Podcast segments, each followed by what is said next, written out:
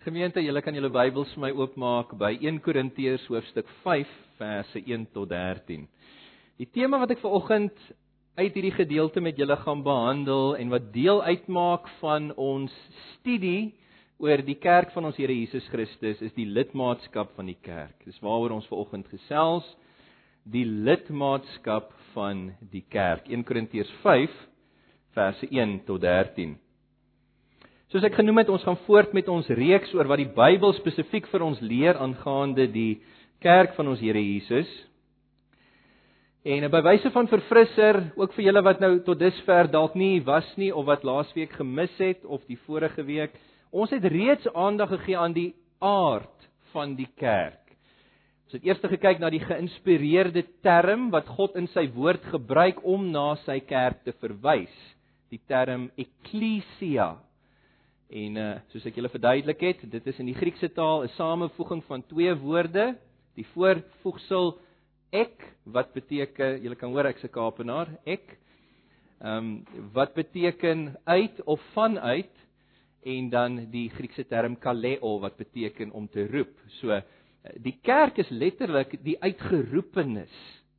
En ons het vanuit hierdie term dan 'n basiese definisie van wat die kerk is. Die kerk is 'n afgebakende binnekring van persone wat uitgeroep en afgesonder is vanuit die groter ongelowige mensdom deur geloof in die evangelie van ons Here Jesus om saam as die gemeente die Here te dien.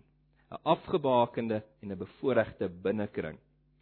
En ek het vir julle ook gesê hoe die term gebruik word in die Bybel gesien ongeveer so 15 uit die 110 keer wat die term gebruik word om na die kerk te verwys, praat dit van die onsigbare universele kerk, die wêreldwye kerk. Ons kan dit definieer as alle ware wedergeborenes van alle plekke en tye. Maar 'n oorweldigende 95 plus keer uit die 110 keer wat die term vir kerk gebruik word, verwys dit na die sigbare plaaslike gemeente of lokale gemeente soos 'n Antipas. En waar die Here dan in sy woord die klem plaas, het ek vir julle gesê by wyse van toepassing is ook waar ons die klem moet plaas. En ons het toe daarna gekyk na die analogiese beelde van die woord, nie almal nie, ek het hulle aan julle voorgehou, maar ons het spesifiek behandel die kerk as 'n familie En uh, ons het gesien dat in die kerk is God ons Vader wat verantwoordelikheid neem vir ons redding, vir ons alledaagse versorging. Ons het gesien dat ons is volgens die Bybel sy kinders wat hom soos goeie en geliefde kinders poort lief te hê en op hom te vertrou en hom te aanbid en hom te geniet en hom te dien deur ons gehoorsaamheid aan sy woord. En ons het ook by uitstek gesien dat ons is daar om ook mekaar se boeties en sissies in hierdie kerk familie wat verantwoordelikheid neem vir mekaar en die sorg van die Here Jesus Christus moet bied aan mekaar soos wat ons vir mekaar voortdurend bid. En ek vertrou julle bid vir Antipas, julle boeties en sissies in die gemeente gereeld.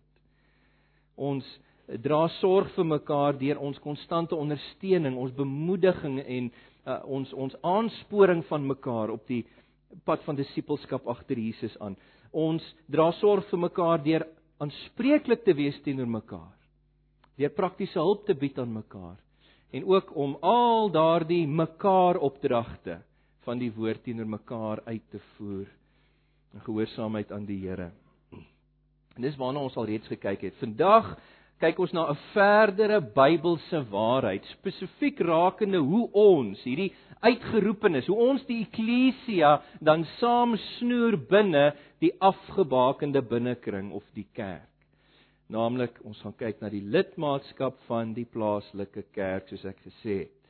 En ek beoog om die vraag te beantwoord, het God dan iets gesê in sy woord oor kerklidmaatskap en indien wel, wat is die vereistes vir kerklidmaatskap sodat ons nie onkundig sal wees nie of selfs onwillig of ongehoorsaam aan dit wat die Here van ons Bybels verwag maar sodat ons op 'n ingeligte wyse onsself formeel sal verbind aan mekaar binne in hierdie afgebakende binnekring.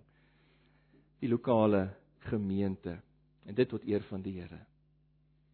Met dit as inleiding kom ek bid vir die Here se hulp en dan kyk ons gou na hierdie teksgedeelte.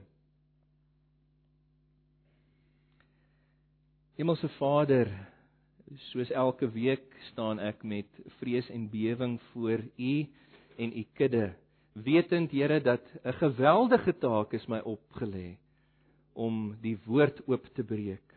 En weer eens soos laasweek wil ek vra help my om nie te sê een woord meer as wat U gehoor wil hê nie en ook niks minder as wat U gehoor wil hê nie. Asseblief Here, wees U nou aan die woord. Spreek in my en deur my spesifiek Here mag u u woord oopbreek aan ons deur die Gees se werking. Hierdie woord wat hy eens op 'n tyd geïnspireer het vir ons en mag ons u stem hoor, u wil sien in u woord. Here help ons dan ook om gewillig te wees om dit aan te neem en die knie te buig voor u, ons meester en Here. Ag Here kom wees teenwoordig. Hierdie is u tyd.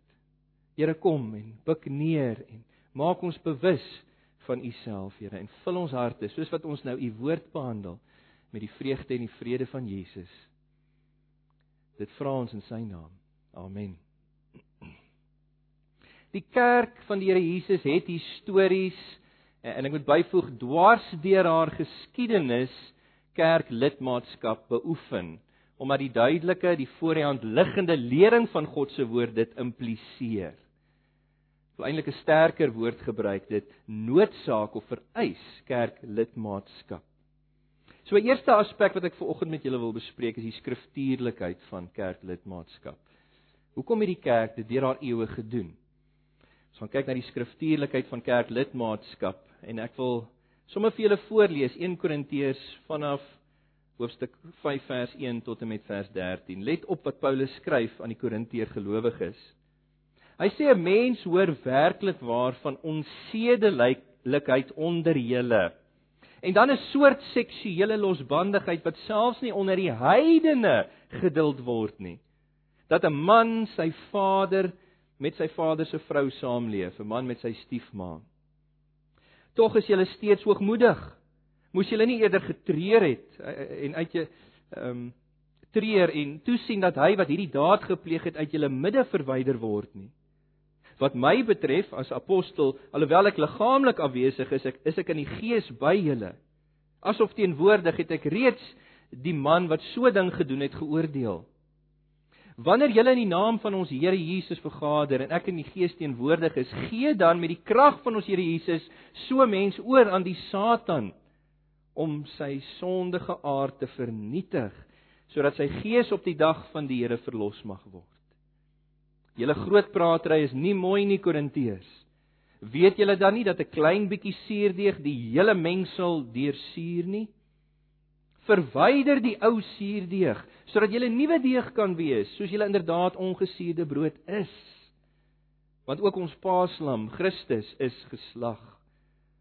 Laat ons daarom fees vier nie met ou suurdeeg, die suurdeeg van kwaad en boosheid nie, maar met die ongesuurde brood van opregtheid en waarheid. Ek het in my brief aan julle geskryf om nie met hoereerders te meng nie. daarmee het ek beslis nie die hoereerders van hierdie wêreld bedoel nie of die gierigaards en rowers, afgodedienaars nie, want dan sou julle uit die wêreld moes weggaan. Maar nou skryf ek aan julle om nie om te gaan met iemand wat homself 'n gelowige noem, maar 'n hoereerder of 'n gierigaard is of 'n afgodedienaar of 'n kwaadprater of 'n dronkaard of 'n rower nie. Met so iemand moet julle nie saam eet nie. Waarom sou ek die buitestanders oordeel? Moet julle nie eerder diegene in julle eie geleedere oordeel nie? God sal die buitestanders oordeel. Verwyder die slegte mens uit julle midde. Tot sover uit die woord van die Here. Nou Paulus gee vir ons die konteks van wat hy hierso skryf in vers 1.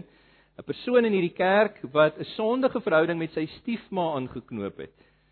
Hou julle Bybels oop en volg saam met my. Kyk wat sê Paulus. 'n Mens hoor werklik waarvan onsedelikheid onder julle en selfs 'n soort ons seksuele losbandigheid wat nie eens onder die heidene geduld word nie dat 'n man met sy vader se vrou saam leef. Hierdie gemeente in Korinte, die stad, het versuim om kerklike tug of kerklike dissipline toe te pas in hierdie situasie soos wat Paulus uitwys.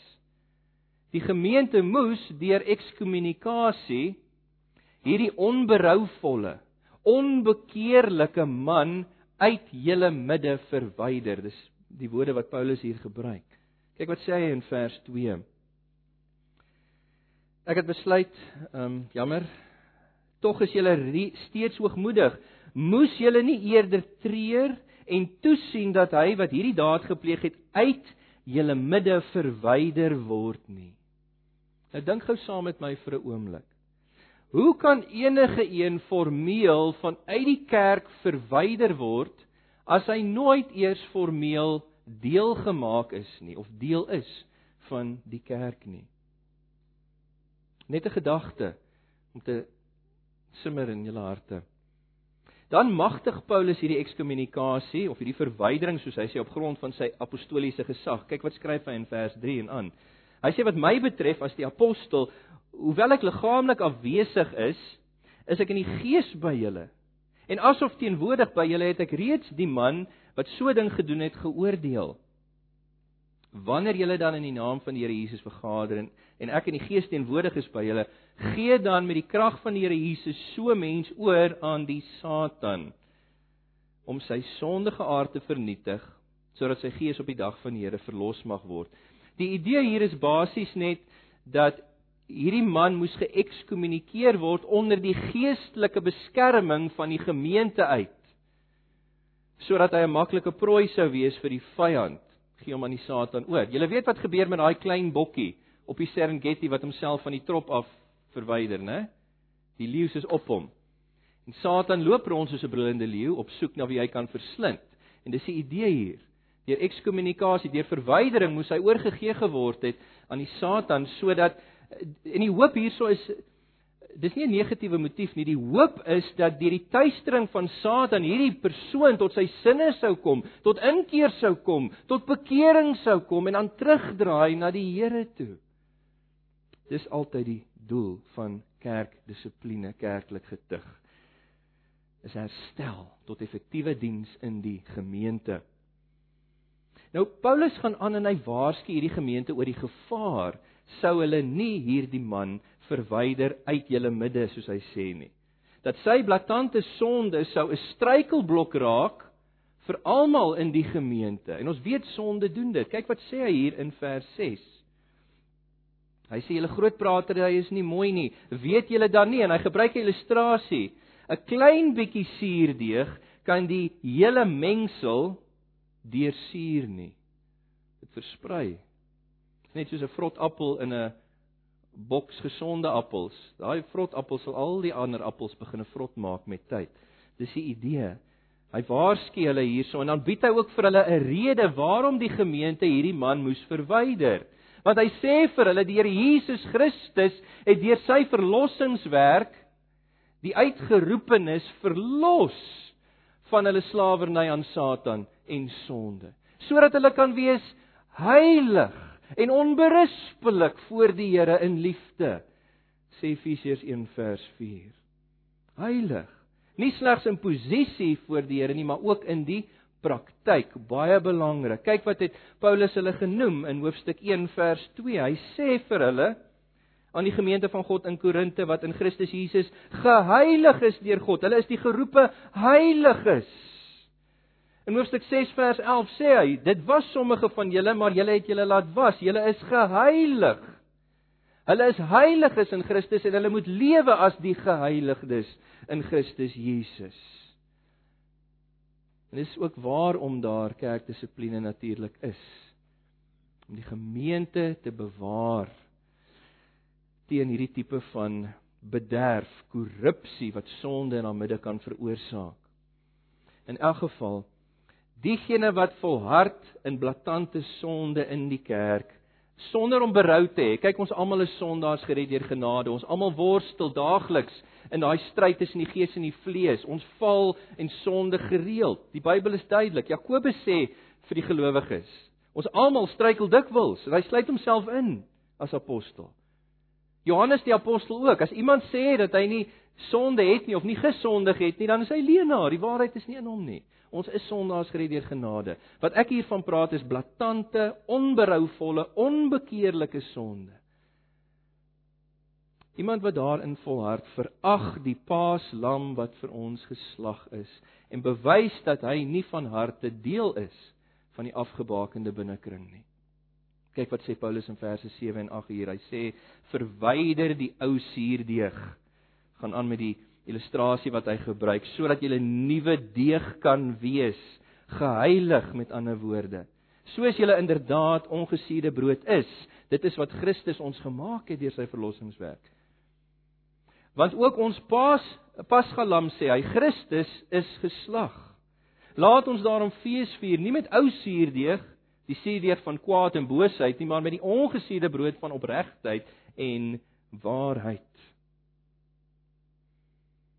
Paulus gaan aan om hulle te herinner wat hy vooraf vir hulle in hierdie verband geleer het in vers 9. Kyk wat sê hy vir hulle.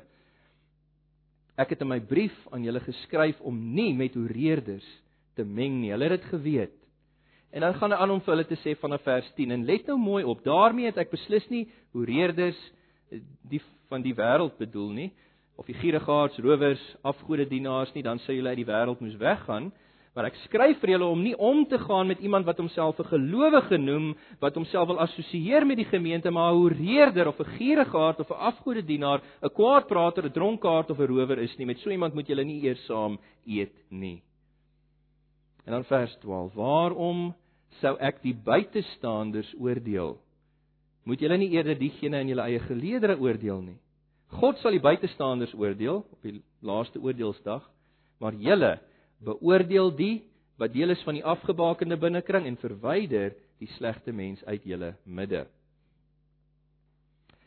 Let op, onder die inspirasie van die Heilige Gees tref Paulus 'n duidelike onderskeid hier tussen persone wat hy noem buitestanders en 'n persone wat hy hier noem in vers 12 diegene in julle eie geleedere, die wat in julle midde is. En my vraag is nou maar net hoe sou ons as ouderlinge of hoe sou ons as 'n gemeente oordeel vel en formeel 'n persoon in die praktyk verwyder sonder iets soos 'n lederrol, sonder 'n gebruik van iets soos kerklidmaatskap waarop die afgesonderde binnekring baie duidelik aangedui word. Dis 'n relevante vraag. Ons het ook 'n afleiding hierso vanuit dit wat ek nou sopas vir julle voorgehou het vir die gemeente om te kan doen dit wat Paulus sê hulle moet doen, om iemand te verwyder uit julle midde uit, impliseer dat die gemeente kennis gedra het van presies wie deel was van hulle geleedere, van hulle midde. En hoe anders sou hulle dit kon doen? En hoe sou dit moontlik wees sonder die gebruik van iets soos 'n lederrol of die gebruik van kerklidmaatskap? En dan natuurlik is daar 'n verdere oorweging in verband met ekskommunikasie. Kyk, dis nie iets wat ons ligtelik opneem nie. Ons Here Jesus het spesifieke lering hier omtrent gegee in Matteus 18 vers 15 tot 17. Hierdie is die proses, die kerklike tugproses wat hy vir ons verwoord het. Hy het gesê: As jou broeder of jou suster sondig en jy sien dit, moenie gaan skinder daaroor nie. As jy na my toe gaan kom en gaan sê maar A B en C, dan sal my eerste woord altyd wees: Het jy al met hom gepraat daaroor of met haar gepraat daaroor? Want Jesus sê as jou broeder of suster sondig, gaan jy dan en gaan praat met hulle, konfronteer hulle in liefde, in die privaat en as hulle na jou luister en tot bekering kom, dan het jy jou broeder of suster gewin vir die Here. Gewin terug van daai pad af waarop hulle was, terug tot effektiewe bruikbaarheid in die gemeente. Maar as hy of sy nie na jou luister nie, as hulle onberouvol, onbekeerlik bly in hulle sonde, versteen in hulle blaatante sonde, dan sê die teks gaan na haal 2 of 3 en verkieslik die ouderlinge wat die geestelike opsigters van die gemeente is, die geestelik volwassenes. Gaan haal hulle en gaan praat dan weer met jou boetie of sussie. Jy sien dit is 'n 'n 'n proses van liefde want jy wil hulle terugvind. Jy bedek hulle sonde so lank as moontlik want Petrus sê mos, die liefde bedek 'n menigte sondes. Jy vat net 2 of 3 saam dat hulle hom ook konfronteer of haar konfronteer om hom of haar terug te roep na die Here toe weg van daai pad van vernietiging af waarop hulle is sodat hulle weer effek terug kan keer tot effektiwiteit in die gemeente en as hulle nie na die 2 of 3 luister nie dan sê Jesus dan vat jy dit na die eklesia toe. Dis die term wat hy gebruik, die uitgeroepenes, die kerk. My vraag is nou, wie is hulle? Hoe bepaal jy wie hulle is? Hoe sal ons in so 'n situasie weet na wie toe om daai persoon te neem? Want Jesus sê dan dis die gemeente se verantwoordelikheid dan om uit te reik na daai persoon toe. Soos die een aanvanklik gedoen het, soos die 2 of 3 daarna gedoen het, moet die hele gemeente bid vir daai persoon se bekering en hulle moet almal hom bearbei sodat hy onder die druk van die hele groep mag ingee tot sy sinne kom en bekering. En dan uiteindelik as hy nie na die hele kerk luister nie, sê Jesus, verwyder hom, laat hy vir jou wees soos 'n tollenaar of 'n heiden. Wie is daai kerk, daai eklesia wat die verantwoordelikheid moet neem voor die Here om so 'n persoon te verwyder? En soveel ander leringe uit die Bybel kan genoem word en daarom wil ek sê die logiese voor die hand liggende afleiding vanuit Bybelse leer is dat kerklidmaatskap en die lederol of ledelys is 'n absolute noodsaaklike hulpmiddel vir die kerk om te doen wat die Here van ons verwag. Eh, dis 'n dis 'n hulpmiddel om soos Paulus skryf vir, vir ons om diegene wat in julle geleedere is af te baken van die buitestanders, sodat ons presies kan weet wie is ons boeties en sissies met wie ons saamsnoer in hierdie kerkfamilie en vir wie ons verantwoordelikheid moet neem. Die gebruik van die lederolle was nie vreemd aan die eerste eeu nie. Ek wil dit dalk net onder julle aandag bring. Ek meen ons lees in 1 Timoteus 5 vers 9 dat die weduwees vir wie die gemeente sorg gebied het, dat hulle ook op 'n rol of 'n ledelys verskyn het en eh, ag die afleiding is ook maar dat as daar weduwees was wat op lederolle verskyn het dan is dit heel waarskynlik dat die gemeente ook lyste gehad het waarop hulle gemeentelede verskyn het. En ek wil hier 'n illustrasie bied. Ek wil vir julle wys na die eerste Jerusalem gemeente toe in Handelinge 2. Ons lees in Handelinge 2 nadat Petrus opgestaan het en met die uitgestorte Heilige Gees die evangelie gepreek het dat die Heilige Gees gewerk het in hoofstuk 2 vers 37 kom die Jode na hom toe in wie die Heilige Gees 'n bewustheid van sonde bewerkstellig het. En hy, hy vra, hulle vra vir Petrus en die apostels, "Wat moet ons doen om gered te word, broeders?" En Petrus sê vir hulle, "Kom tot bekering en laat julle gedoop word in die naam van die Here Jesus Christus." Men lewer bewys deur die doop van julle geloof in Jesus tot vergifnis van sondes en julle sal die gawe van die Heilige Gees ontvang wat julle toekom en julle kinders en die wat daar ver is, die wat die Here nog na hom toe self toe sal roep. En dan sê vers 41 hierdie woorde: Diegene wat sy boodskap met blydskap aangeneem het, was 3000 of hulle het hulle laat doop en dan sê dit daar op hierdie dag was 3000 toegevoeg. Waartoe? Hoe was hulle toegevoeg? Aan die ander woord, hulle was toegevoeg tot die lidmaatskap van die plaaslike kerk. En die afleiding is eh, dat hulle moes sekerlik iets soos 'n kerklidmaatskap of 'n lederrol gebruik het Want hoe sou hulle kontredo as ek die Engelse woord mag gebruik, hoe sou hulle kon bybly met hulle getalle groei? Want Handelinge 2 vers 41 sê vir ons daar was 3000, hoe het hulle dit geweet? Handelinge 4 vers 4 sê vir ons dat die kerk het so uit sy nate gebar, so gegroei dat die mans alleen was 5000. Hoe het hulle dit geweet? Iewers moes dit aangedui geword het op 'n lederrol. En dis die afleiding wat ons maak. En is dan op grond van hierdie logiese voor die hand liggende afleidings vanuit God se woord onder andere dat baptiste saam met ander kerkgroepe en denominasies die gebruik van kerklidmaatskap beoefen het. Mark Dever byvoorbeeld, baie van julle het al sy naam gehoor, 'n bekende baptiste prediker, teoloog, skrywer, Hy beamoen die noodsaaklikheid van kerklidmaatskap in sy boek Nine Marks of a Healthy Church en hy ag dit nogal een van die nie onderhandelbare kenmerke van 'n gesonde kerk. Dis 'n Bybelse verstaan van kerklidmaatskap en die belangrikheid daarvan. Edward Hiscox die bekende baptiste prediker en skrywer van vorige eeue. Hy gee die historiese siening van baptiste weer weer en hy skryf church membership is a question of grave importance. En hy gaan dan aan om dit te verduidelik, te argumenteer en uh basies te beskryf hoe die baptiste dit deur die geskiedenis beoefen het.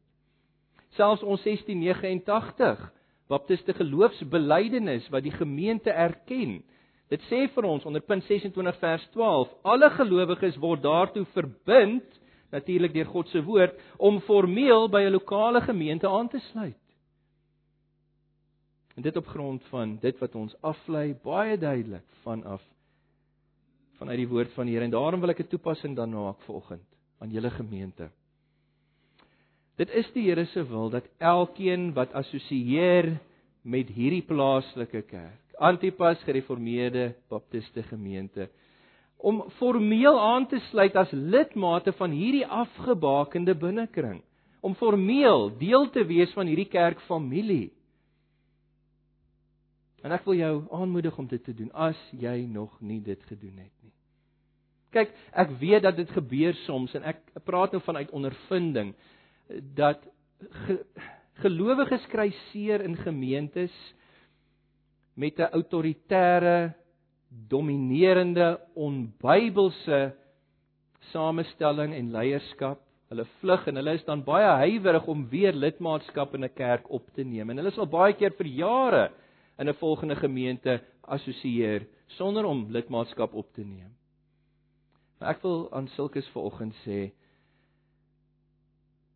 moenie jouself laat lei in jou besluitneming deur jou emosies nie.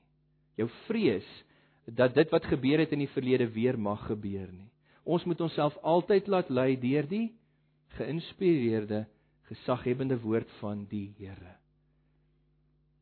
Dat die Here se woord, dit wat hy van ons verwag, die deurslag sal gee by julle om hierdie besluit te maak en dan ook die Here se glimlag oor daardie besluit te beleef. 'n beroep doen op julle. Verbind julleself tot hierdie afgebakende binnekring en word deel van die gemeente op 'n formele manier. En dan 'n tweede aspek wat ek net vinnig wil noem ook is die vereistes vir kerklidmaatskap. Ons het gekyk na die skriftuurlikheid daarvan, dit wat ons aflei vanuit die woord van die Here omtrent hierdie onderwerp, maar die vereistes van kerklidmaatskap is ook belangrik. Kyk, die kerk van ons Here Jesus Christus is nie 'n sosiale klub wat enigiets sommer aan kan behoort sonder kwalifisering nie. Jesus het aangedui dat die vereiste om 'n lidmaat te wees in sy koninkryk en per implikasie daarom ook in sy kerk is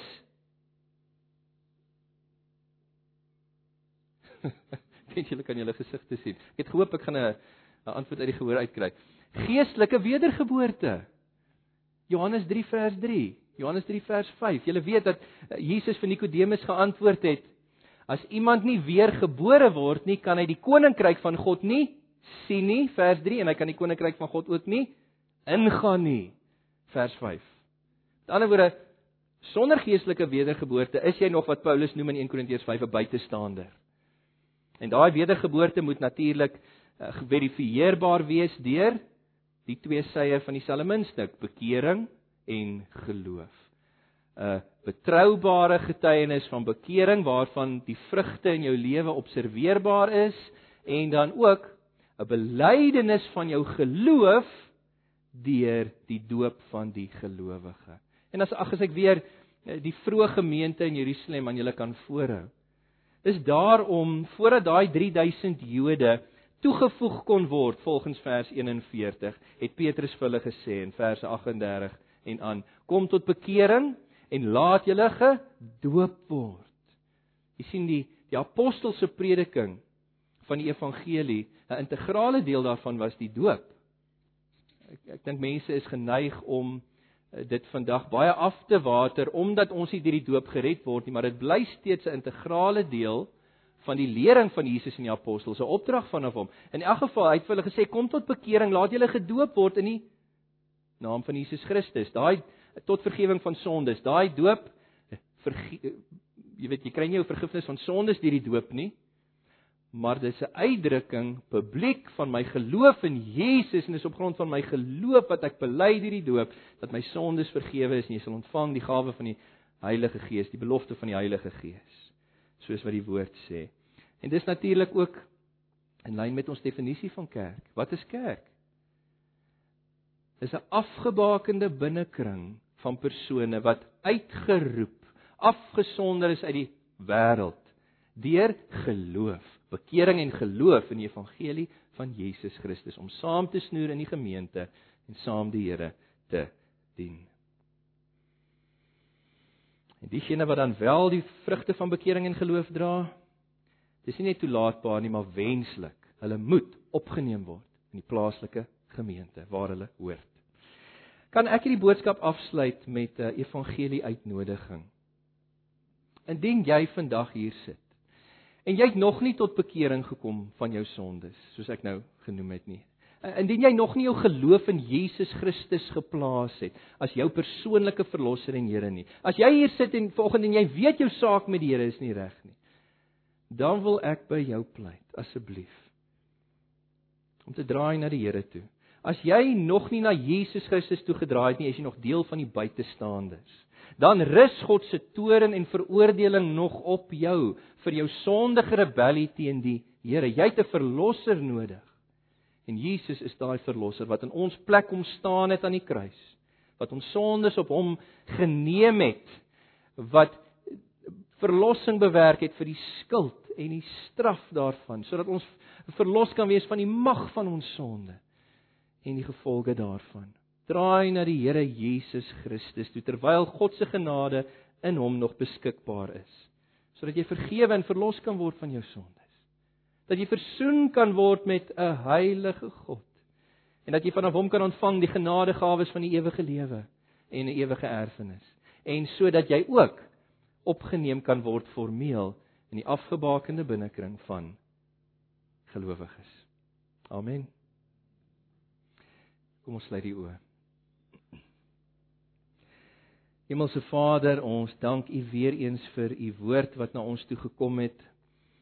En alhoewel dit 'n baie spesifieke onderwerp was rakende kerk, is dit vir ons belangrik om te kyk Here na wat U woord impliseer, wat U woord vir ons leer omtrent hierdie on onderwerp, sodat ons reg mag dink in lyn met U woord oor kerk. Ek wil bid Here dat as U deur die Gees enigiemand aangespreek het vanmôre, Here oor hulle geestelike toestand en verhouding met U. Here dat U hulle sal red, dat U die naprediker van U woord sal wees, dat U hulle sal trek na U self toe deur bekering en geloof, sodat hulle ook uiteindelik formeel opgeneem mag word binne U kerk. U liggaam, die familie van verlosters. Asseblief, wees die naprediker van die woord vir ons elkeen asseblief. Here brand dit wat ons gehoor het vanmôre in op ons harte. Mag U vir ons as 'n gemeente help en lei om te funksioneer binne die perke wat U vir ons daar gestel het deur U woord. Dit vra ons in die naam van ons Here Jesus Christus. En Here, wanneer ons nou die erediens gaan afsluit met die slotlied, die seënbede, die samesyn na die tyd, wees ook daarin verheerlik. Amen. Maar ek groet julle eers in die naam van ons Here Jesus Christus. Mag sy genade, die liefde van die Vader die gemeenskap van die Heilige Gees met julle elkeen wees, vandag en in die week wat kom. Gaan verheerlik die Here en geniet hom ten volle. Amen.